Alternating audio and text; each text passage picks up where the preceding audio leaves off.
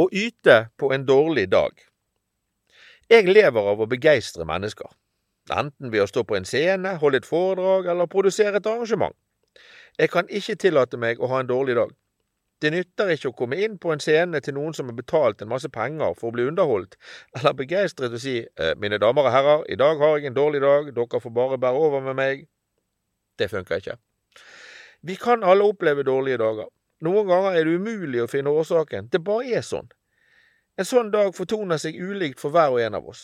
For meg betyr det for eksempel at jeg er i dårlig humør, at jeg er tung i kroppen, eller at jeg ikke får noe til. Hva gjør jeg da?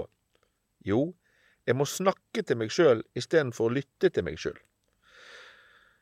Kroppen vår er programmert for å ta vare på seg sjøl. Når den opplever en eh, dårlig dag, forteller den resten av systemet at vi må ta det rolig, jobbe på halv fart. Om jeg lytter til kroppen og lar den ta styringen, så blir det fortsatt en dårlig dag, og jeg klarer ikke å gjøre det jeg skal.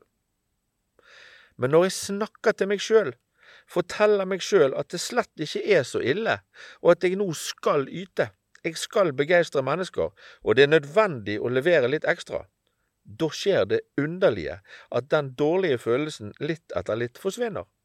Jeg klarer å yte det jeg sjøl og andre forventer av meg, selv om jeg i utgangspunktet hadde en dårlig dag. Jeg må bare snakke til meg sjøl.